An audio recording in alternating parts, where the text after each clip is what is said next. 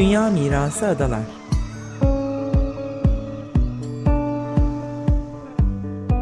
Hazırlayan ve sunanlar Derya Tolgay ve Nevin Sungur.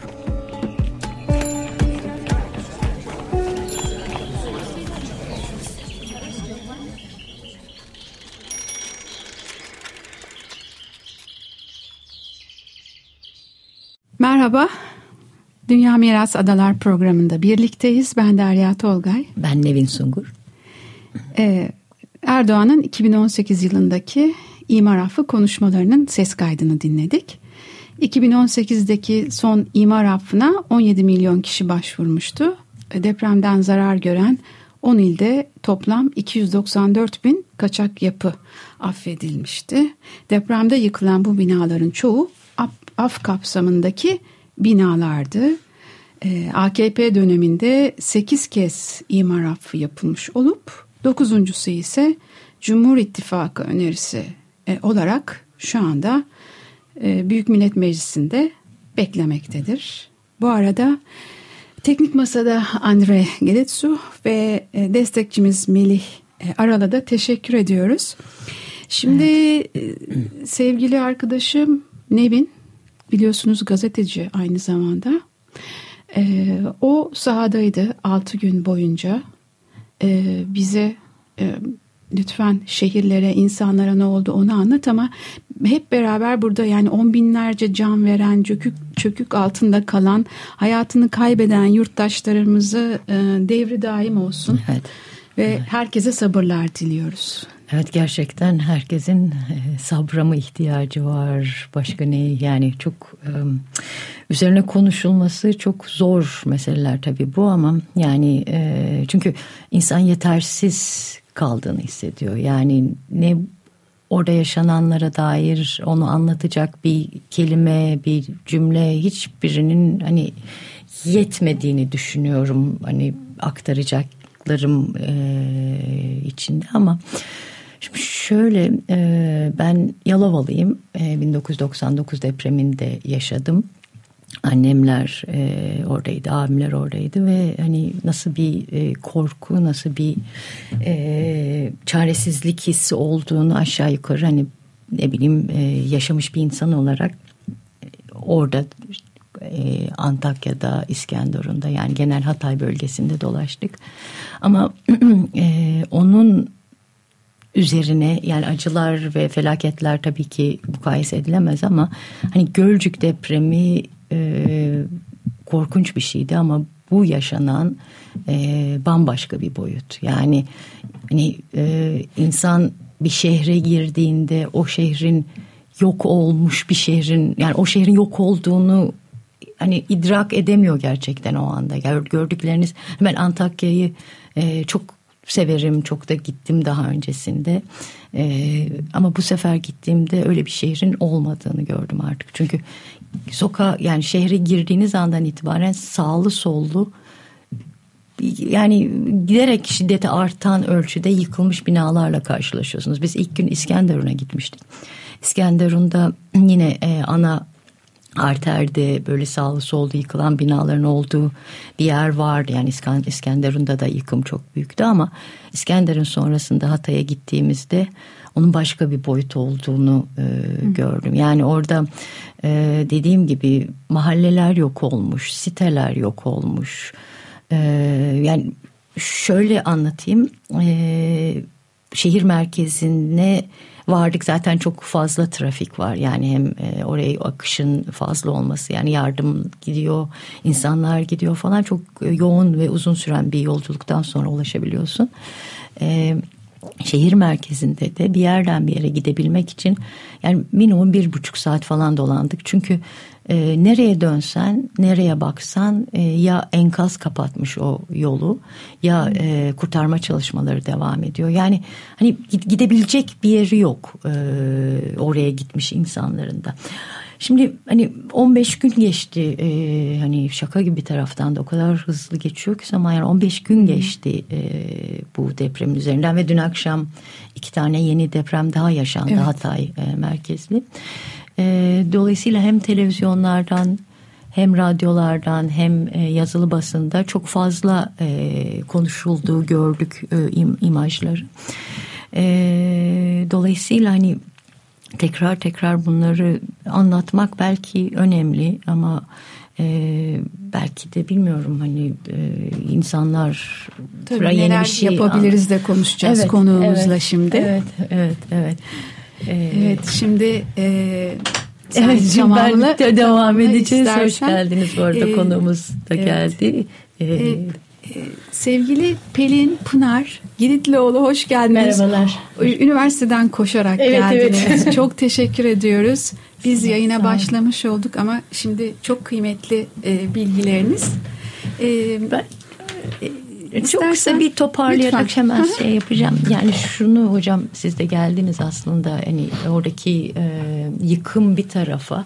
Hani benim e, işte bir süredir ben oradaydım. E, şu kelimeler hep kafamın içinde döndü. Yani e, rantçılık, adam sendecilik, boş vermişlik, hazırsızlık organizasyonluk ve sonuçta koca bir kaos. E, yayın öncesinde Derya ile konuşuyorduk. Ben orada e, İsviçreli bir ekiple e, çalıştım ve orada işte muhabire şeyi anlatıyorum. imar affını anlatıyorum. Şimdi okudu kız tekrar okudu. Anlamıyordur tabii çünkü dedi ki. Yani dedi şey. ki insanlar dedi gerçekten hani bunun için para ver, bunun için mi para verdiler? Yani hani buna e, kendileri de mi gönüllü olarak buna katıldılar falan. Dedim evet işte seçim dönemlerini. Dedi o zaman yani hani bu bir kolektif şey yani burada tek bir suçlu evet, aramak e, aynen öyle. değil. Hani insanların buna gönüllü Hele şunu, katılmak. şunu da bilse ki o imar affında şu da yazıyor yani tamam siz para verin ben sizi affediyorum şimdilik ama bu arada deprem olur filan başınıza bir şey gelir beni tanımayın diyor yasa. işte. Yani bunu bilse artık iyice kim bilir ne düşünür. Ben anlatamadım yani. Evet.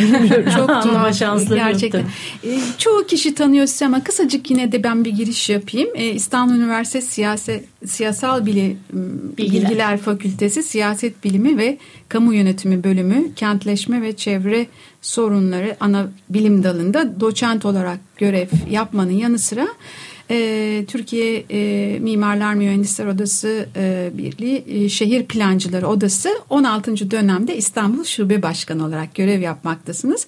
Kentsel Yenileme adlı iki baskı yapmış bir kitabınız ve iştihatlı imar mevzuatı adlı ortak editörlük yaptığınız bir kitabınız e, yayına hazırladığınız ayrıca 12 kitap ve bilimsel dergilerde yayınlanmış. Çok sayıda ulusal ve uluslararası makaleniz de bulunmakta.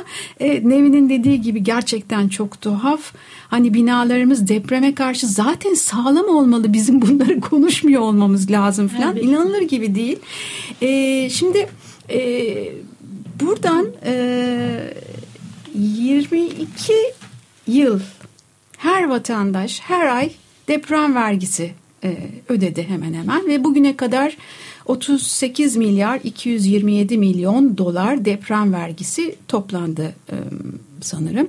Bir de imar affından toplanan paralar var. Bunu neredeyse 20 23 milyon lira gibi Öyle bir şey. Mi? Sonra bir parti daha toplandı üstelik. Lira mı bu? Lira. Lira. Evet.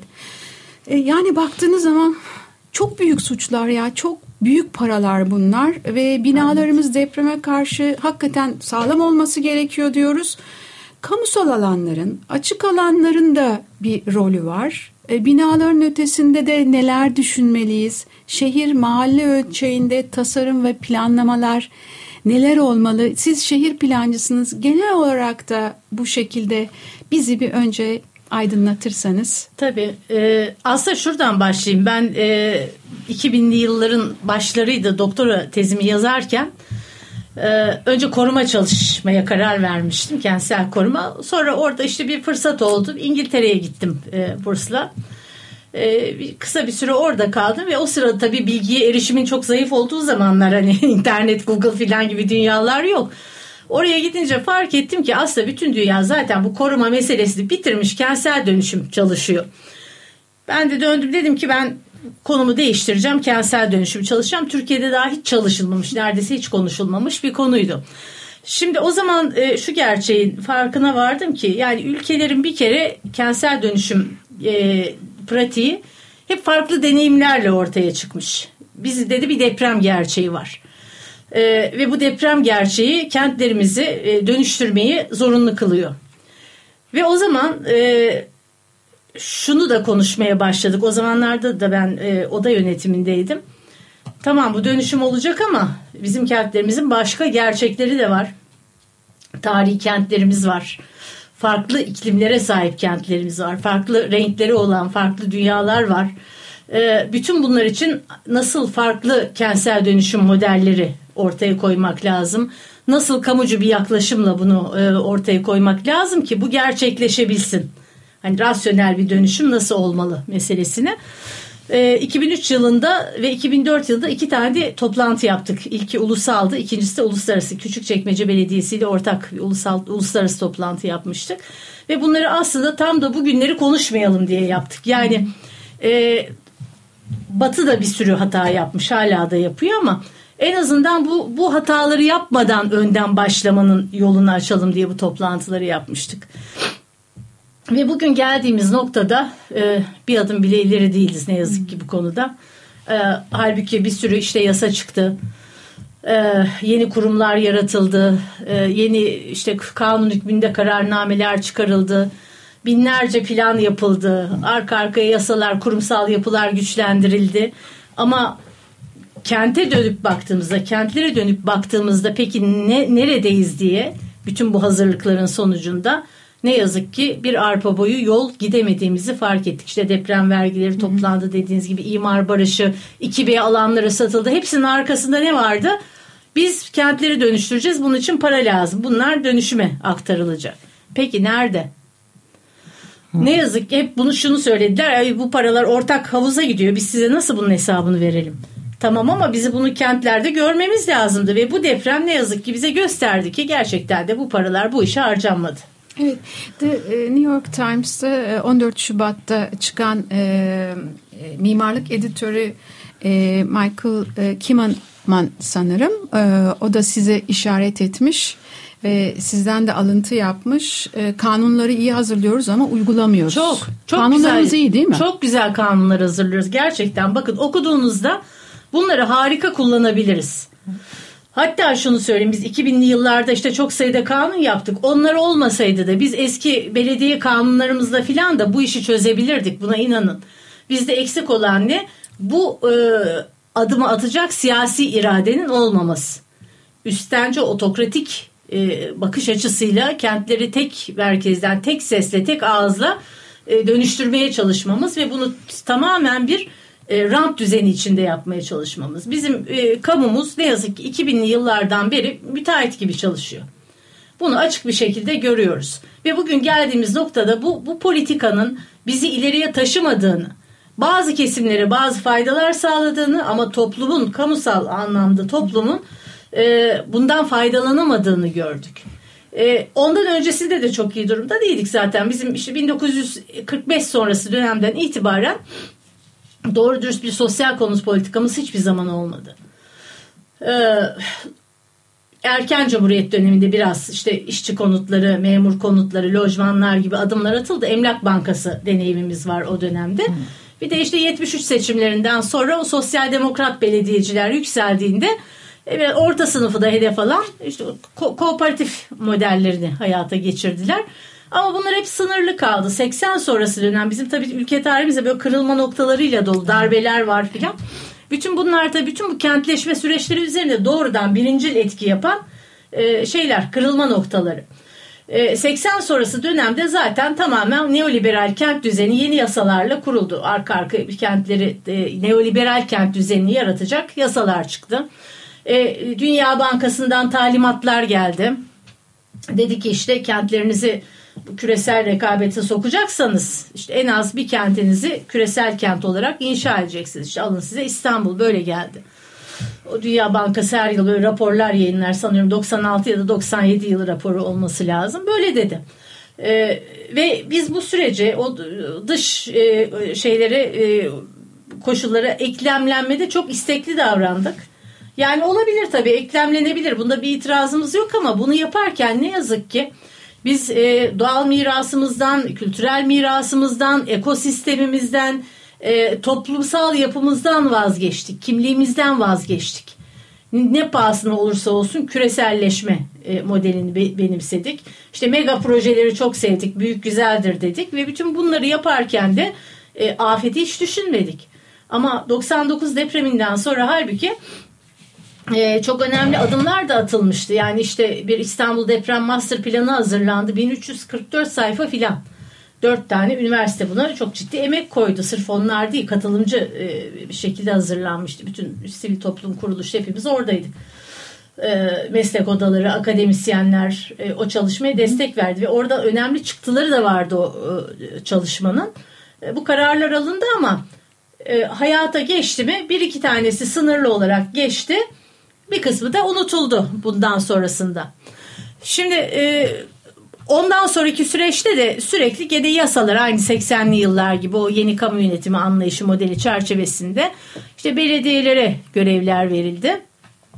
E, arkasından Çevre ve Şehircilik Bakanlığı kuruldu ki işte e, o bir milat tabii bizim açımızdan. Çünkü Bayındırlık ve İskan Bakanlığı böyle bir kurum değildi. Gene o eski bürokrasi geleneğinden gelen bir yapısı vardı.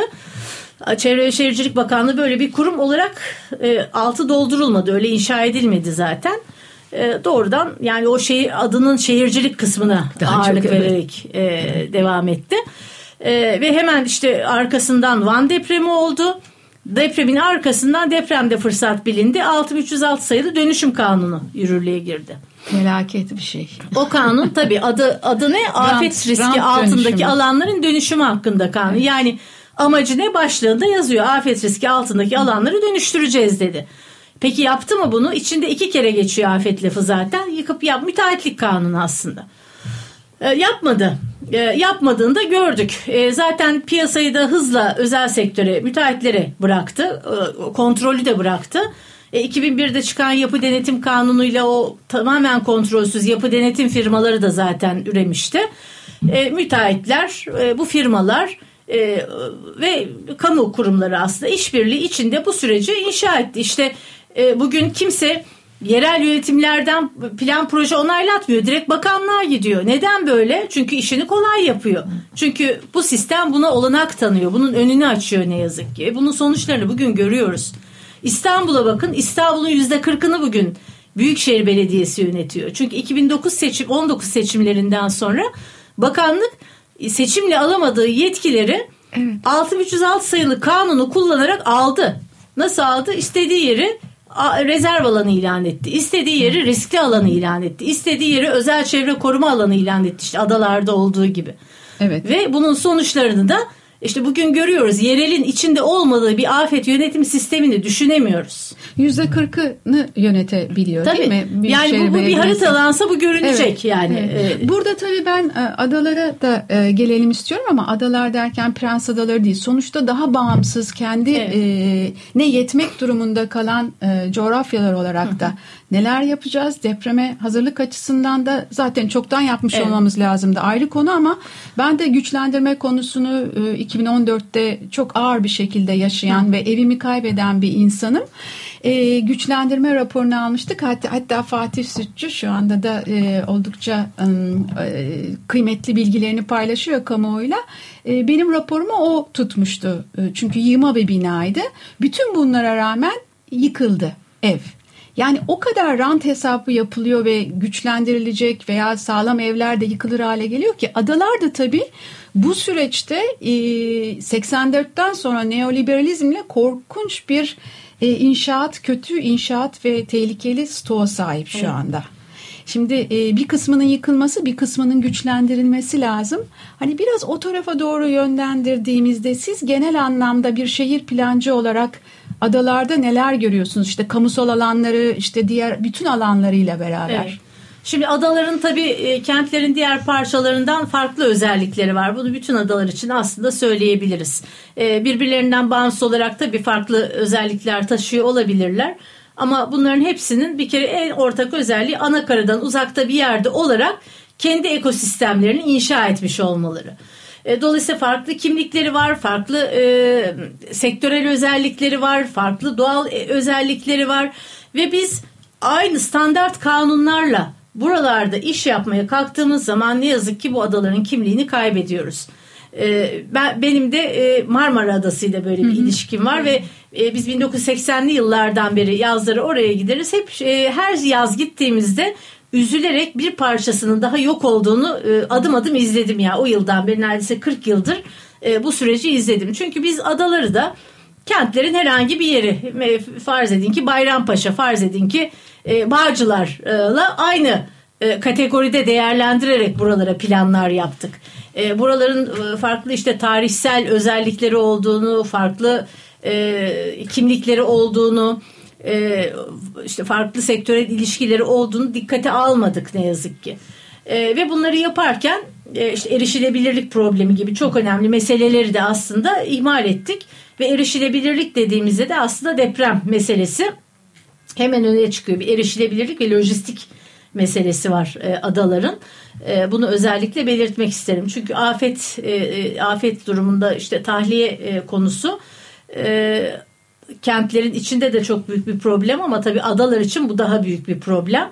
E, böyle bir durumda bunu bu lojistik meselesinin nasıl çözümleneceği konusunda bir hazırlığımız ne yazık ki hiçbir adamız bir için yok. Bir konteynerimiz dahi yok. Evet. İnanın bir tek Heybeliada'da mahalle afet gönüllüleri Evet. için yani onların düzenli bir konteyner var. Ne kazma, kürek vesaire hiçbir hazırlığımız Evet. yok. Yani çok acil mesela kentlerin konteynerlerin yok yerleştirilmesi lazım. Aslında- Biz bizi kurtaracağız Tabii orada. o 99 depreminden sonra işte deprem master planında bu konteynerlere karar verilmişti. Onları hatırlar mısınız bilmiyorum o yıllarda önce işte bazı noktalara yerleştirildi. Sonra e, bunların anahtarı kimde bunlar nasıl işte deprem anında açılacak dendi. Bir ara reklam panolarına dönüştü. Okulların içine çekildi. Şimdi hangisi nerede kim sorumlu bilmiyoruz. Aslında bu konteynerlerin gerçekten de e, adalarda olsun kent içinde olsun Tabii. mutlaka mahallelerin ortak erişebileceği noktalarda e, afet toplanma alanlarında özellikle bulunması e, gerekiyor ve bunun sorumlularının da belirlenmiş olması gerekiyor. Tabii bizim afet toplanma alanımız olmadığı için konteyneri koruyacak öyle bir alanımız da yok. ya bunlar böyle bir dizi aslına bakarsanız. Ee, adalar için tekrar konuşursak tabii afet dediğimizde sadece depremi de konuşmuyoruz. Yani e, adalarımızın büyük bir kısmı orman e, varlığına sahip yerler. E, Fransa adalarına baktığımızda neredeyse yüzde 60 filan Evet. oranlarında ki işte geçtiğimiz yıllarda biz neredeyse yangınlarla yüzde 15'ini kaybetmişiz e, toplam ada alanının orman yangınlarında. E, tsunami riski bundan belki 10 yıl önce biz tsunami diye bir şey duymamıştık bile. Nerede duyduk? İlk şeyle e, Kanal İstanbul projesiyle duyduk. Çünkü Kanal İstanbul'un ÇED raporu yani bakanlığın para vererek yazdırdığı raporun kendisi dedi ki burada işte 3 tane canlı fay hattı var. Deprem riski gibi tsunami riski de var dedi. Ve biz o zaman ilk defa dedik ya demek ki tsunami bize sanıyorduk ki hep uzak doğuda falan böyle karşımıza e, çıkan bir şey. Meğerse biz de böyle bir risk altındaymışız. Şimdi adalarda zaten işte aynı e, fay hattı üzerinde ve tsunami riskiyle çok ciddi şekilde e, karşı karşıya olan yerler böyle baktığımızda. E, ve- özellikle Prens Adaları için konuşursak denizden yükseklikleri de çok fazla, Fazla. değil. E, dolayısıyla büyük bir kısmının e, su altında kal- kalacağı da bu tsunamilerde ve etkileneceği e, tahmin ediliyor. E, dolayısıyla adalar için aslında afet riskleri belki de kentin içinden çok daha fazla böyle baktığımız zaman onu da söylemek lazım. E, İki dakikamız falan var. Aha, Öyle mi? Ben bir, e, bir şey sorabilirim. Yani dönüp dolaşıp hep aynı noktaya geliyorum. Demin bahsettiğim meseleyle ilgili. Ee, hani sonuç itibariyle bundan birebir etkilenen vatandaşlar olarak bir taraftan da bu işin buraya gelmesinde e, kısmen de olsa payı olan vatandaşlar olarak yani burada hiçbir şekilde şey söylemek istemiyorum tabii ki sorumluları e, hani hafifleştirme hafifletmek adına söylemiyorum ama ne yapmak gerekiyor hocam? Yani hani nasıl bir kafa yapısına sahip olmak gerekiyor artık? Çünkü 99 depreminden sonra ben hep şey düşünmüştüm. Bu ülkede hiçbir şey aynı şey aynı şekilde olmayacak diye ama bambaşka daha da beter Her oldu. depremden sonra aynısını Evet. düşünüyoruz galiba. Şimdi bir kere kentlerimizin farklı özelliklerini de dikkate alarak yani ana karada başka, adalarda başka, işte tarihi alanlarda başka riskleri ve bunların çözümlerini ortaya koymamız lazım ve bunlara uygun afet e, stratejileri geliştirmemiz gerekiyor. Katılımcı yöntemlerle bunu yapmamız gerekiyor. Biz bugün bilime inanmayı unuttuk. Uzmanlara inanmayı unuttuk. Meslek odalarını süreçten attık. E, bundan 10 yıl kadar önce e, belki hala belediyeler plan yaparken odalara gösteriyorlardı, danışıyorlardı. Yaklaşık 10 yıldır, 10 küsür yıldır bu süreçte bitti. İşte mesleki denetim uygulamaları ellerinden alındı. Şimdi böyle bir süreçte dediğim gibi yeni baştan bir kere başlamak zorundayız. Bu bir seferberlik. Bunu bir adını böyle koymamız gerekiyor. Bu bir seferberlik. Büyük bir kentsel seferberlik yolculuğuna birlikte çıkmamız gerekiyor. Ve burada adalara için ayrı, İstanbul'un farklı ilçeleri, farklı alt, alt bölgeleri için ayrı kimlikler, ayrı özelliklere uygun e, afet yönetim modellerini, eylem planlarını ortaya e, koymamız gerekiyor. Tabii e, bunları böyle konuşuyoruz ve güzel raporlar hazırlıyoruz. Hep söylüyorum. Bunlar da ilk defa yapılmıyor. Aslında biz bunları defalarca konuştuk. İlk defa konuşmuyoruz.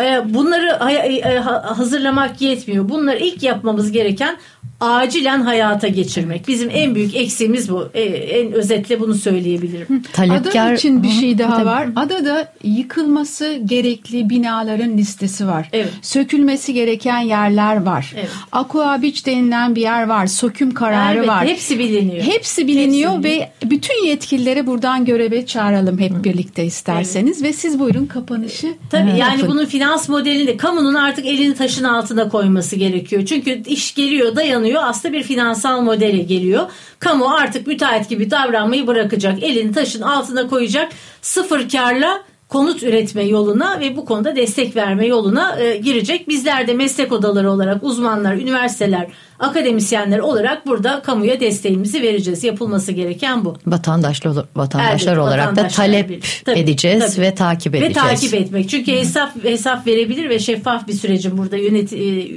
ortaya konması e, büyük bir zorunluluk da teşkil ediyor. Çünkü artık kimsenin bu sisteme güveni kalmamış durumda. Çok teşekkürler hocam sağ olun. Ben teşekkür ee, ederim. Ee, yani teşekkür bir daha yaşanmaması dileğiyle diyeceğim evet, ama maalesef evet, ki öyle bir şey. İnşallah diyelim ama. evet biraz Yani e, deprem sıkıntılı. işte İstanbul depremi de kapımızda ve evet. bunları yeniden yeniden konuşmak gerçekten hepimizi üzüyor. Yani felaket tellallığı yapmak istemiyoruz. Ama durumun ciddiyetini ve atılması gereken adımları da hatırlatmamız gerekiyor yeniden. Evet, kesinlikle. adalar hepimizin diyorduk ama elbette, ülke elbette. hepimizin. Ülke, ülke hepimizin. hepimizin. Yani bugün onu dedim e, bu şeyde e, kültür mirası yok oldu. Bir medeniyetler yok oldu evet. ve burada suçlu var yani bu, bu e, bir dünyaya tarihe karşı yapalım. evet. tamam. Evet, çok teşekkürler. Çok teşekkürler hocam. Bizi dinlediğiniz için sağ olun.